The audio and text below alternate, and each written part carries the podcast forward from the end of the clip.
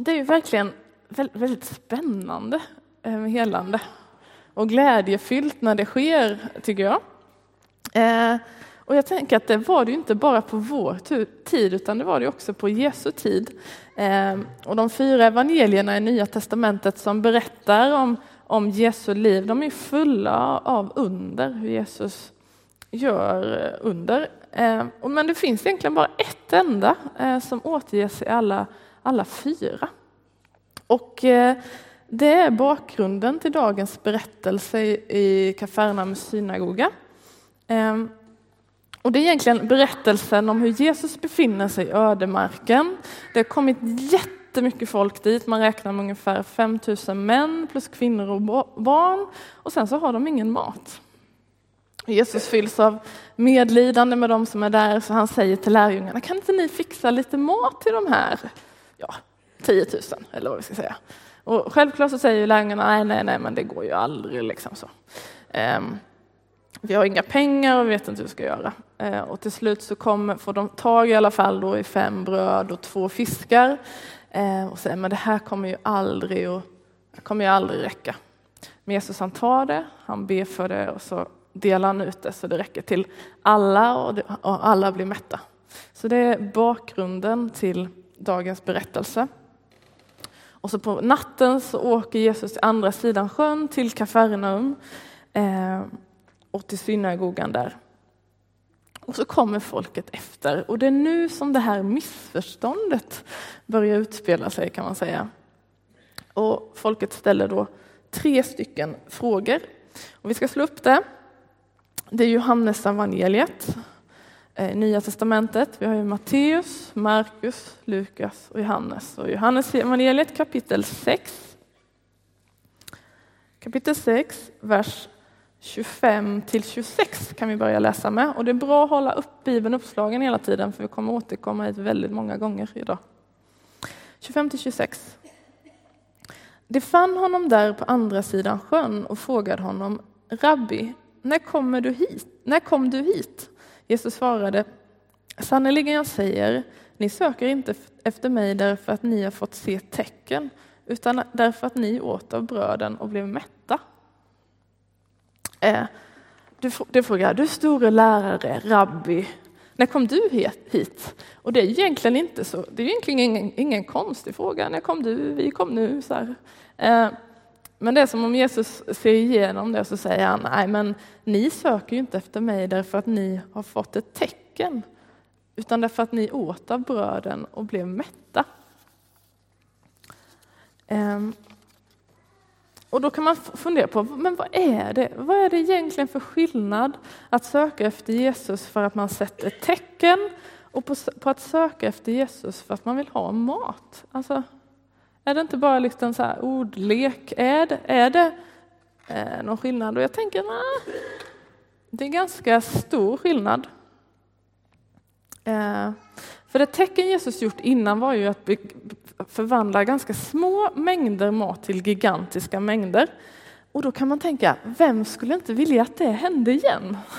Alltså det finns ju massa som liksom svälter ihjäl och jag kan också tänka så här att det hade varit så skönt att bara kunna knäppa med fingrarna och så står maten där. Vi drömmer ju alla om det, även vi som har mikro. Man kan ju tänka sig hur mycket de här 10 000 drömde om det som först skulle hålla på att gräva och så och så ska det växa några månader och så ska man ta bort det och så. Jag vet inte hur man gör, ni fattar? Det hade varit skönt att ha Jesus där som bara fixa. Det är inte konstigt att man vill det. Men frågan är, vad är tecknen till för? Vad är Jakobs berättelse till för om helande? Vad är matunder till för? Och på ett sätt kan man säga men det är ju gott i sig att bli helad. Alltså, vi är ju glada när Jakob inte har ont i ryggen. Jesus är ju glad när Jakob inte har ont i ryggen. Han är ju glad, han känner med medlidande med dem som inte har mat. Så klart att det är gott. Men vad är tecknens yttersta mening? Det ska vi fundera på. Vi ska få upp en skylt. Känner ni igen den? Ja. Och då kan man fundera på vad betyder, det här tecknet. Alltså det är ju en vägskylt som betyder varning för älg. Här finns älg. Den är väldigt populär har jag hört.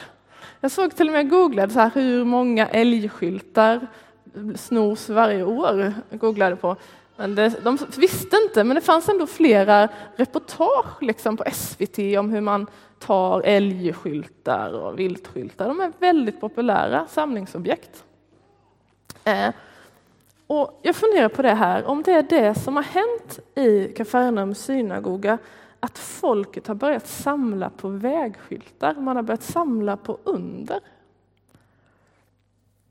Och, och ibland så kanske det är så för oss också, vi börjar samla på under. Vi vill ha undren, vi vill ha maten, men vi missar ibland vad de pekar på. Vi missar vad de är, vad de är till för.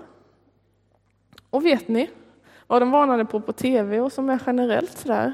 Vet ni vad som är risken med att samla på vägskyltar men att inte följa dem? Vet ni vad som är risken? Det är att man krockar. Alltså det blir inte bra helt enkelt. Så frågan är om, om alla de här tecknen och berättelserna vi hör. Jag hörde här, det var roligt, vi träffade de som jobbar fixar fram fikat idag, kom också idag och berättade ah, diskmaskinen fungerade inte idag och så hade vi fixat fram alla koppar och vi funderade bara hur ska vi göra? Och så hade de satt sig och skulle be lite för gudstjänsten och idag och så. Och så slängde de ut sig lite på skoj kanske bara och Gud, eh, hela diskmaskinen. Och så kommer de dit och så funkar den ju. Gud gillar nog humor alltså. Men jag tänker, vad är, vad, varför händer de grejerna? Jo, för att vi ska söka oss till Jesus. Det är det som tecknen är till för. Så får det du har hört talas om eller de tecken du själv är med om, får det dig att söka dig närmare Jesus. Det är viktigt. Så efter att Jesus anklagat folket för att bara söka honom för matens skull, bara för skyltens skull, så säger Jesus så här i vers, eh, vad kan det vara för vers? Ja, efteråt där. Eh, 27. Eh, arbeta inte för den föda som är förgänglig, utan för den föda som består och skänker evigt liv och som Människosonen ska ge er. Ty på honom har Fadern Gud själv satt sitt sigill. Alltså jaga inte efter maten utan efter Jesus själv, han som här i denna texten kallas för Människosonen. För han ger något som är mycket, mycket viktigare. Han ger mat som inte tar slut. Han ger nämligen evigt liv. Det är vad Jesus säger. Och så ser jag framför mig hur alla i Kafarnaum, synagoga där omkring eller var de stod, bara nickar. Bara, ja, ja, Jesus, vi förstår. Men alltså, om man tittar lite närmare, det är ganska blankt i ögonen. Jag tror inte de har riktigt fattat vad han säger, för sen kommer nämligen nästa fråga. I vers 28 till 29, Johannes evangeliet kapitel 6, står det så här. Då frågade det vad ska vi göra för att utföra Guds verk? Jesus svarade, detta är Guds verk, att ni tror på honom som han har sänt. Folket frågar, hur kan vi göra Guds verk? Och det, jag tänker att det kan säkert betyda flera saker och sådär, men, men jag tänker att de frågar, Jesus, hur kan vi göra under? Hur kan vi få se fler under? Ehm, och så säger Jesus, nej men det största verket är inte under. Det för, största verket är att ni tror på honom som Gud har sänt. Alltså att ni tror på Jesus som Gud och som världens räddare. Det är det största verket. Det är det största undret. Och jag tänker så här, jag önskar att vi fick se mer av det, det vi kallar för under, alltså under som Jesus gör när det är helande och saker åt det hållet. Eh, men det största är inte att få mat, det största är inte att få bli frisk. För äter vi så behöver vi ju mat igen. Eh, och ska man vara väldigt eh, krass och tråkig, får man vara det? Tråkig, så är det så att även de som blir helade eh, kommer en dag att dö. Alltså vår kropp bryts ner, alltså om man ska vara väldigt eh, tråkig. Eh, och då säger inte jag så här, att om du sitter här med smärta i din kropp, eh, psykisk ohälsa eller om du har annat som du kämpar med, då säger jag inte att du inte ska be. Jag säger inte att du ska längta efter att allt ska få bli bra. Jag säger inte att du inte ska vända till dig till Jesus. Vi ber jättegärna för dig. Vi kommer ha under nattvarden, här har vi förbön. Vi ber jättegärna för det. Jag menar det verkligen. Vi vill se mer av det. Men, men det största undret en människa kan få vara med om i sitt liv, det är att ha Jesus. Tänk att få ha Jesus i sitt liv med mitt i stormen. Det är det största undret. Och jag brukar tänka så här, jag ska jobba med ungdomar, har gjort det en del. Att för mig så är det ett stort under varje gång en ungdom väljer att säga men jag vill tro på och följa Jesus. För mig är det ett stort under när ungdomar dag efter dag säger jag vill följa Jesus. Och det är extra stort i vårt land när det finns så mycket överallt som bara motarbetar den tron. Speciellt om man vill leva en tro som faktiskt påverkar våra liv. Och kanske är det så att du sitter här, inte vet jag, du kanske är 85 år eller jag vet inte. Eller, och så tänker du så här, men jag har, jag har aldrig sett några under i mitt liv. Det har inte hänt några stora berättelser. Men du har haft en tro sedan du var liten, sedan du var barn och så sitter du här 80 år senare. Det är det största under man kan vara med om, att en person bevaras i tron hela livet. Att vara Jesus med sig, det är det bästa.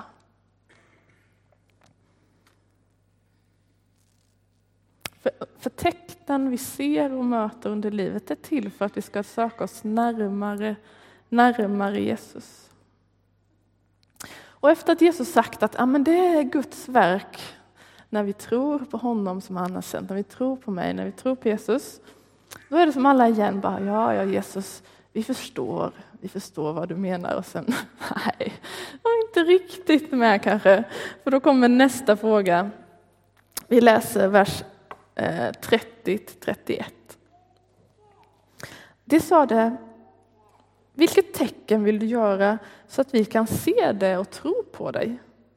Vad kan du utföra? Våra fäder åt mannat i öknen så som det står skrivet. Han gav dem bröd från himlen att äta.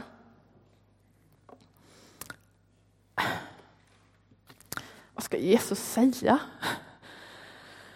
Ja, eh. Jesus säger att ha honom i sitt liv är det största och de har precis sett ett stort under. Och så frågar folket efter, fler under. Jesus, vad kan du, vad kan du göra? Eh, är du bra på eh, potatis eh, och eh, köttfärssås? Nej, jag vet inte. Alltså, och så Jesus svarar då, så här, vi läser vers 32 till 36 vad han svarar. Jesus svarade, sannerligen jag säger, Mose gav er inte brödet från himlen, men min fader ger er det sanna brödet från himlen. Guds bröd är det bröd som kommer ner från himlen och ger världen liv. De bad honom då, Herre, ge oss alltid det brödet. Jesus svarade, jag är livets bröd. Den som kommer till mig ska aldrig hungra och den som tror på mig ska aldrig någonsin törsta. Men som jag har sagt er, ni har sett mig och tror ändå inte. Och folket tänker, ja nu pratar Jesus om vanligt bröd. Man kan bli frustrerad. Eh, men egentligen är det kanske inte så konstigt att eh, folkskaran som är där, det är ju flest judar som är där, undrar vad Jesus kan göra för bröd, vad han kan göra för mat. Eh, en av deras största berättelser är ju uttåget ur Egypten, när, de, när det israeliska folket befinner sig 40 år i öknen och Gud varje dag förser dem med manna, alltså något sånt grissäd, någonting som man kan baka bröd på. De har ju faktiskt varit med om exakt det, att det kommer bröd från himlen. Men Jesus säger att det brödet han vill ge som kommer från himlen, det här är han själv. Jesus säger, jag är livets bröd. Jag ger evigt liv som, till den som tror. Kolla här. Och så säger han, den som tror på mig ska aldrig hungra, den som tror på mig ska aldrig någonsin törsta. Och kanske tänk, sitter du här och så tänker du, det där är faktiskt en stor lögn. Alltså vad då? Att den som tror på Jesus ska aldrig hungra eller den som tror på Jesus ska aldrig törsta. Och då tänker du kanske inte rent fysiskt. Vi är ju liksom överens om att även kristna behöver mat. Eh, även kristna kan lida brist eh, av hunger, att svälta helt enkelt. Eh, men du tänker på att du har Jesus i ditt liv, men du längtar efter mer. Eh, längtar efter mer av Jesus, men du längtar också efter mer av allt annat. Men du, alltså du är kristen, men du är också törstig, du är också hungrig. Hur kan Jesus säga den som tror på mig ska aldrig hungra och aldrig törsta när vi lever med en annan verklighet?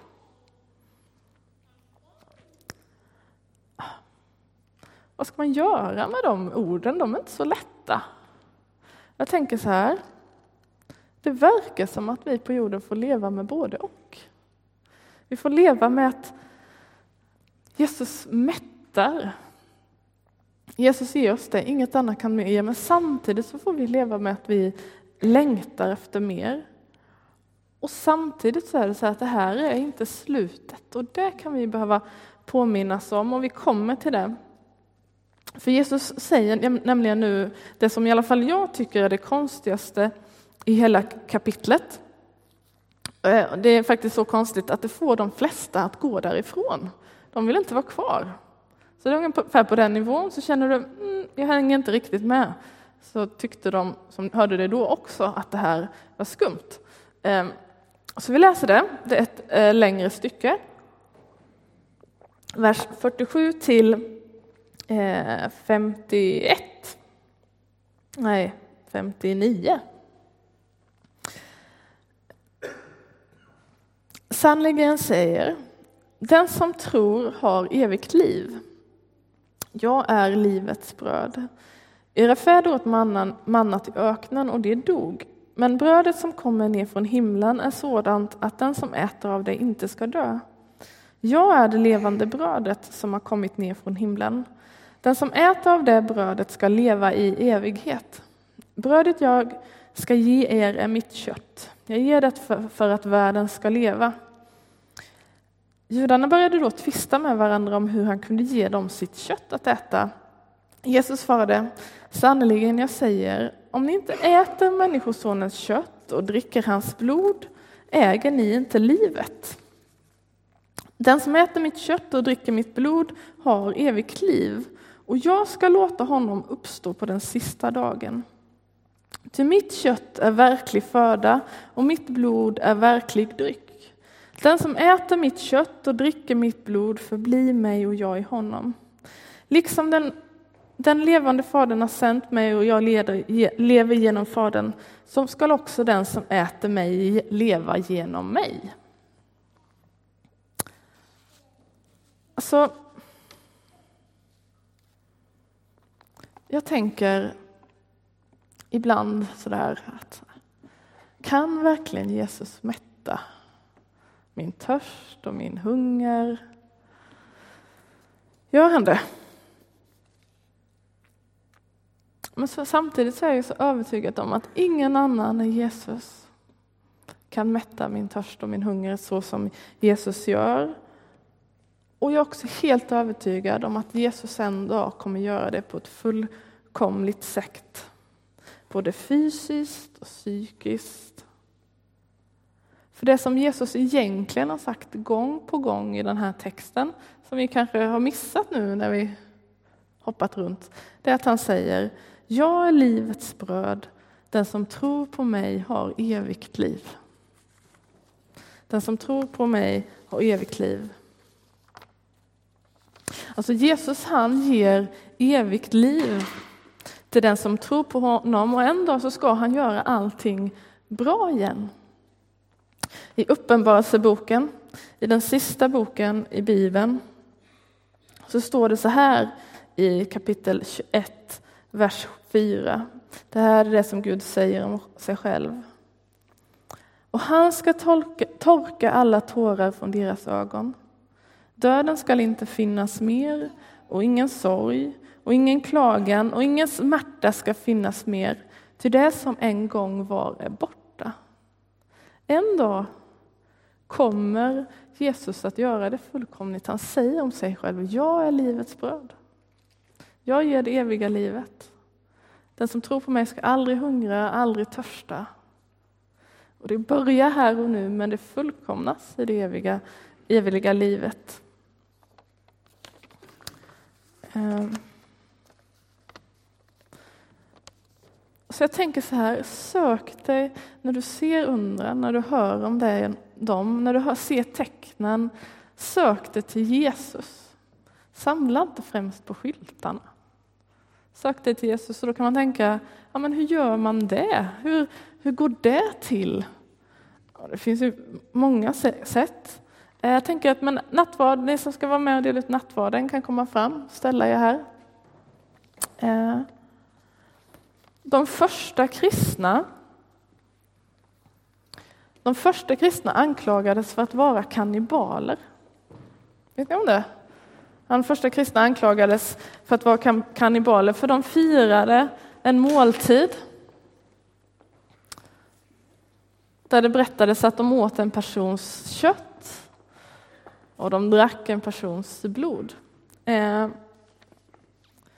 och den måltiden ska vi fira nu. Det är sant, vi ska fira det. Vi kallar det för nattvard. Ehm.